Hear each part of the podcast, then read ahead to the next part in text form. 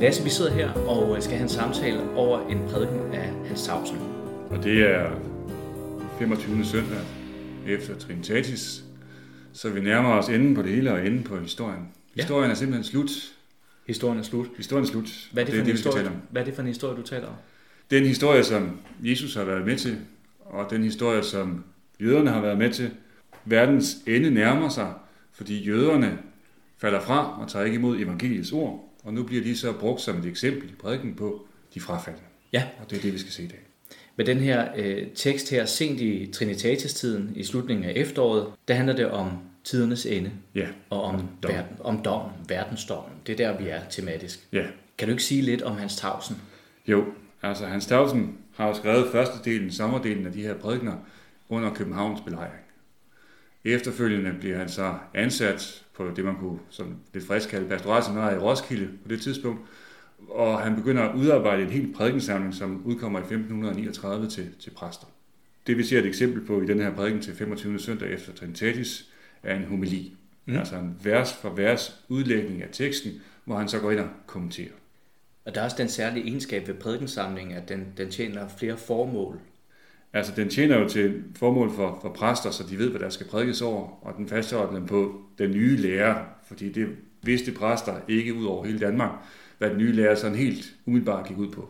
Ja. Men der var jo flere folk om budet, så det, man har set på, er jo faktisk, at, at det, man regner med, at bogen er blevet solgt på, det er jo også, at den indeholder en, en helt alterbog. Ja. Øh, og derfor så var kirkerne havde ikke helt råd til at købe en, en, en hel bibel, og der var heller ikke en hel bibeloversættelse og sådan nogle ting der.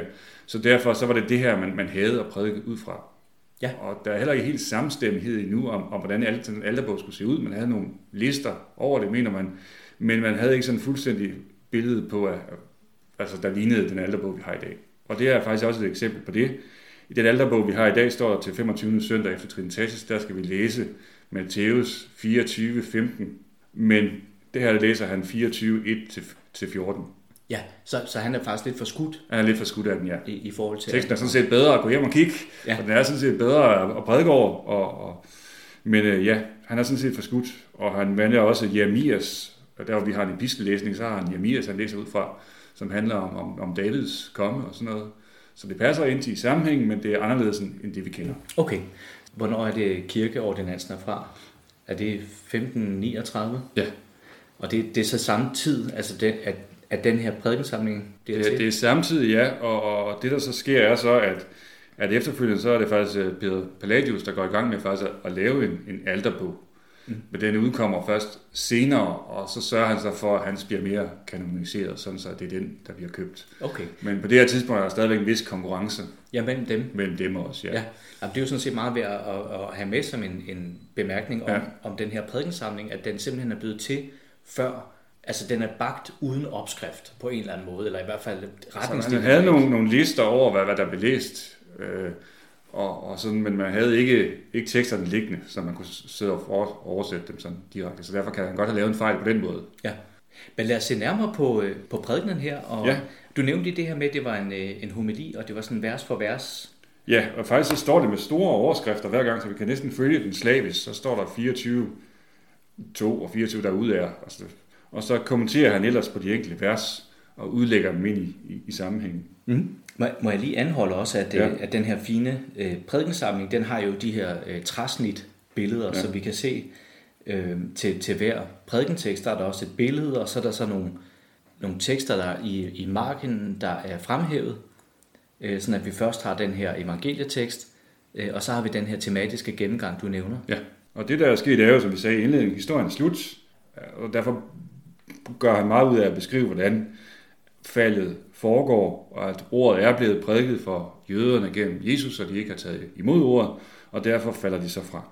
Allerede her så drager han selvfølgelig en sammenligning med, med, med pavedømmet, og, og templet bliver til kirke for ham, så han ligesom kan sige, at, at det samme er jo så også sket med, med pavedømmet, Ja, okay. som ja. også er, er frafald. Ja. ja, så der er en eller anden form for aktualitet også i de, de historiske begivenheder, og så op til, til, til nutiden, eller mere sådan nutidige hændelser. Ja. ja. Det er, det er frafaldet, vi ser her. Og det betyder så, at vi er i en, en mellemtid. Fordi at det vigtige at sige om, om dom er jo så også, at, at, at det er jo ikke en, en dom, hvor alting er slut. men det er jo en dom til ny begyndelse og Kristus genkomst. Mm-hmm. Så det er jo måske en anden måde at opfatte dom på. Så, så den bibelske historie fortæller om folk, der ikke tog imod evangeliet, Ja, og f- altså folk, for hvem det egentlig ikke gik godt. ja, Og det bliver så et eksempel for os andre til. ja. Vi ser eksemplet på Guds vrede. Den flammer ud over jøderne, fordi de ikke modtog hans ord. Derfor er templet jo så blevet forstyrret, og de hører krigslarm og alle de her ting, som teksten beskriver. Mm-hmm. Og øh, hvis man virkelig vil beskrive krigslarm, så skal man jo inddrage Josefus. Ja. Og det tænker man jo så, at det, hvor skulle jo Hans Stavsen så kende ham fra? Men det gør han jo faktisk. For Josefus var faktisk den mest udbredte og mest kendte øh, antikhistoriker i middelalderen. Man havde ham i latinsk oversættelse. Først senere kommer han så i øh, græsk oversættelse.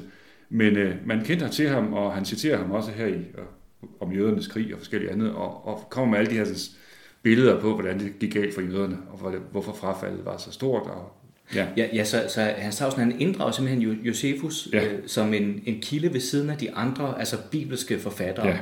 Han nævner både apostlenes gerninger og Paulus' breve, og Ja. ja. så evangelisterne. Ja.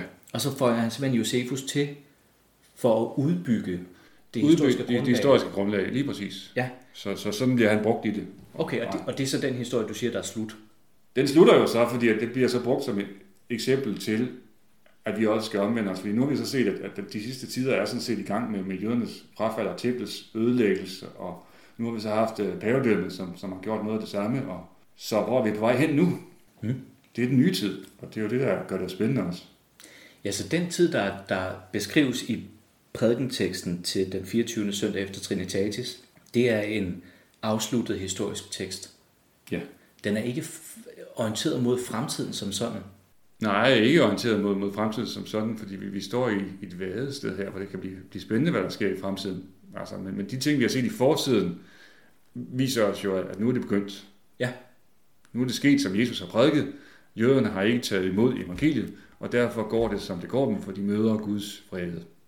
Så det er den gamle teologi, vi er inde i med, med dobbelt udgang og alle de her ting, og jøderne er altså røget i den forkerte kategori her, fordi de ikke har modtaget Jesus.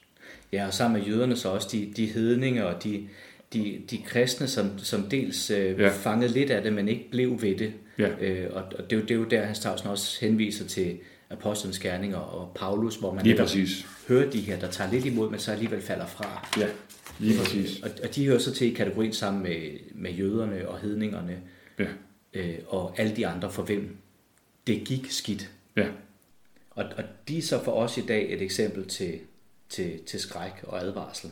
ja. Men der er lidt interessant, altså der er noget interessant i, at vi sidder og gør med en prædikentekst, der handler om verdensdommen. Og den er jo fremtidig i vores antagelse eller i vores placering af den. Men Hans Tausen, han placerer den som afsluttede begivenheder. Allerede endnu ikke, ja. Allerede endnu ikke. Når man, altså i, i, i den her tilgang med at, at rise evangelisterne og Josefus og bringe alle kilderne i spil for at sige, at det er sket, historien er slut. Der hvor den rammer mig mm. i dag. Krigen, ulykkerne, er Guds straf over nogle mennesker, som har gjort nogle konkrete ting i historien. Jøderne har ikke modtaget Jesus, derfor bliver de straffet, som de gør. Sådan vil man aldrig prædike i dag. Nej. Og samtidig må man sige, at, at- at prædikens opgave bliver faktisk, når at evangeliet så har lyttet i hele verden, så kan verden, så det, det er et ønskescenarie, fordi så kan verdensdommen komme, så kan vi få den nye verden. Ja. Så lige så snart vi har fået prædiket helt til Burkina Faso, eller hvor de ikke har hørt evangeliet hen, så kommer verdensdommen, og så kommer det nye rige, og så det er alt det, vi har glædet os til. Den dag evangeliet er færdig, med, er færdig forkyndt, Yes, så, så, så, øh, så kan verdensdommen og hvad indtræffe, Ja. og den nye verden kan komme, og Jesu genkomst kan indtræffe, og de her ting. Ja, og der er vi ikke i dag, siger du. Nej, det, der er vi ikke som prædikanter i dag i hvert fald. Der, der kan godt være nogen, der har den opfattelse stadigvæk. Men vi er vel mere der, hvor at, at, at vi forkynder evangeliet vedvarende, fordi at vi også regner med, at, at, at evangeliet på daglig basis stort set skal- skal, skal høres og forstås igen og igen, fordi vi hele tiden falder fra. Ja, Så ja, det er der- ikke der er sådan en, en indgangsforetagende. Men øh, hver søndag skal det jo prædikes, sådan, og sakramenterne skal rækkes, så man kan få tilgivelse og den slags. ja, så altså, hele, hele missionstanken om, at det skal... Altså, Prædikes til verdens ende. ja, Ja. ja den, den er ikke øh, så nærværende i dag. Ikke så man regner med, at der bagefter vil indtræffe en, en, en genkomst. En genkomst. Ja. Hvad skulle vi ellers vente på? Nå, det, ja, det var da egentlig et godt spørgsmål. Det må, det må, vi, det må vi tage op. Men Lasse, skal vi ikke prøve at se på, hvordan øh, du nævner den her øh, homilistruktur, Ja, øh, hvordan den er anvendt? Jamen, øh, han har lavet nogle store overskrifter hele tiden mm-hmm. derude af, hvor han så ligesom pointer det ud, og vi kan starte med, går han på at se til, at ingen bedrager jer, og det er 24-4, og så går han ned og slavisk fremad fra 24-4. Han slutter med 14, og man kan sige, at historien ender med, og det er det evangelium om riget skal prædikes i hele verden som vidnesbyrd for alle folkeslag, og så skal enden komme. Ja, og det understøtter så ideen om, at når evangeliet er bredt ud til hele verden, så kommer dommen. Yes, Ja, men før det, så, øh, så er der stadig Ja. arbejde, der skal gøres. Så mit arbejde som prædikant er at prædike evangeliet, og den dag, jeg har fundet det sidste menneske, der ikke har hørt om evangeliet, så kommer enden. Ja. Så det er det, jeg arbejder for. Det er min arbejdsbeskrivelse faktisk, vi får her Ja. ja. i vers 14, ifølge den her prædiken. Og i de vers, der leder frem mod vers 14, vers 14, det er ligesom den, altså det opbyggelige, der er i prædiken, ja. Ja. altså den opbyggelige tone, man slutter med, altså at evangeliet skal lyde. Ja. Øh, men versene forud for det, de Der så- får vi eksempler på folk, der har hørt evangeliet og ikke har modtaget det. Ja, Okay. okay. Og, og det, det eksempel var så jøderne, som mister deres tempel i 70, og det bruger han så Josefus til at vise, hvor- hvor galt det går for dem. Han kalder også Paulus' breve til, til galaterne for et sendebrev, hvor han prøver at, at, at, fordi de har modtaget nogle falske profeter, og så prøver Paulus at korrigere dem i sit sendebrev. Det vi sidder og leder efter, det er jo så at få at vide, hvad et evangelie så sådan konkret går ud på, om vi skal gøre noget, eller om vi skal høre noget, og sådan noget. Disse konkrete anvisninger er der ikke mange af. Nej, nej. Ikke andet end at evangeliet skal, skal prædikes, og så skal, skal vi derefter modtage Guds nåde. Ja. ja, så det er på en måde sådan lidt en ensidig historieopfattelse. Altså historien bliver så et eksempel for, for, for nutiden, hvor galt det kan gå. Altså lidt ligesom øh, Første Verdenskrig kan blive brugt som et eksempel i dag på, at øh, ja, nogle skud i Sarajevo kan ændre det hele, så vi skal tage os i vare for også små begivenheder, som kan, kan få verdenshistorisk betydning. Den her verden, Hans Stavsen lever i, der har Gud jo heldigvis styr på det, så det er en del af planen, det hele, også det, der går galt, fordi at det jo så bliver et, et eksempel for, dem, for de andre, at vi skal modtage evangeliet. jo. Ja, og, og, og dem, der ikke tager imod det, de bliver også et eksempel. Så der er to eksempler. Der er både ja. det til skræk og advarsel, og så dem, Ja. ja. øh, øh, for hvem det er rigtigt, ikke? for hvem det er en trøst og en styrke, Ja. de kristne disciple. Ja. Men alle de forudgående vers frem til vers 14, hvor vi hører om evangeliets udbredelse, det er sådan set historiske begivenheder, der er afsluttet. Ja. Og det understøtter så den her, det du siger om, at historien er slut. Ja. Man kan jo næsten gå ud og lede efter, citerer ingen bedrager jer. Der skal mange sige, at Kristus er en anden overskrift. En tredje overskrift er, I skal høre krigslarm. Der skal komme, der skal komme pestilens, altså modgang, øh, plager. Og der skal mange forråde jer. Der skal også være mange falske profeter. Så det, det er alle de der ting, der skal ske, alle tegnene, vi, vi får opridset i de overskrifter, han giver os. Så det er, det er den samlede mængde af overskrifter, det er alle de tegn, vi skal kigge efter i, i den tid, der har været, men også den tid, der kommer. Det, der vil gå galt. Så man så skal barsle den nye tid. Men, men de tegn, vi, vi, altså de her endetidstegn, vi ser, og som man opridser i de her vers, de er afsluttet. Ja, for han viser jo med jødernes eksempel, hvordan at de har været. Ja, de ja. har været, og det er jo ja. derfor, han skulle bruge Josefus til at understøtte ja. Ja. det. Altså simpelthen historiske kilder bragt ind i prædikenen for at understøtte, at det her det er sket. Ja, Så nuanceringen ligger i at, at, at, at argumentere for, at det her det er slut, og, og, og i dag der skal vi så tage det som et eksempel på at gå den rigtige vej. Ja, det er historien. fordi, at tingene er sket. Ja. Så vi prøver at finde ud af, hvor han starter nu er henne med det her. Og hvor er han henne så? Jamen, han er vel der, hvor han gør sit arbejde med at prædike evangeliet, og der stadigvæk er nogen, der tager imod, og nogen, der, der falder fra. Men han bruger så historien som det her eksempel på, hvad frafaldet kan føre til, og hvad Guds vrede fører til, hvis man falder fra. Så, så vi er i en dobbelt udgang, og det er ikke afgjort endnu noget, men vi kan se, at vi er tæt på de sidste tider. Og dem der, dem, der ikke, altså dem, der er fordømt, er der noget at gøre ved dem? Det, det er op til Gud. Det er op til Gud, ja.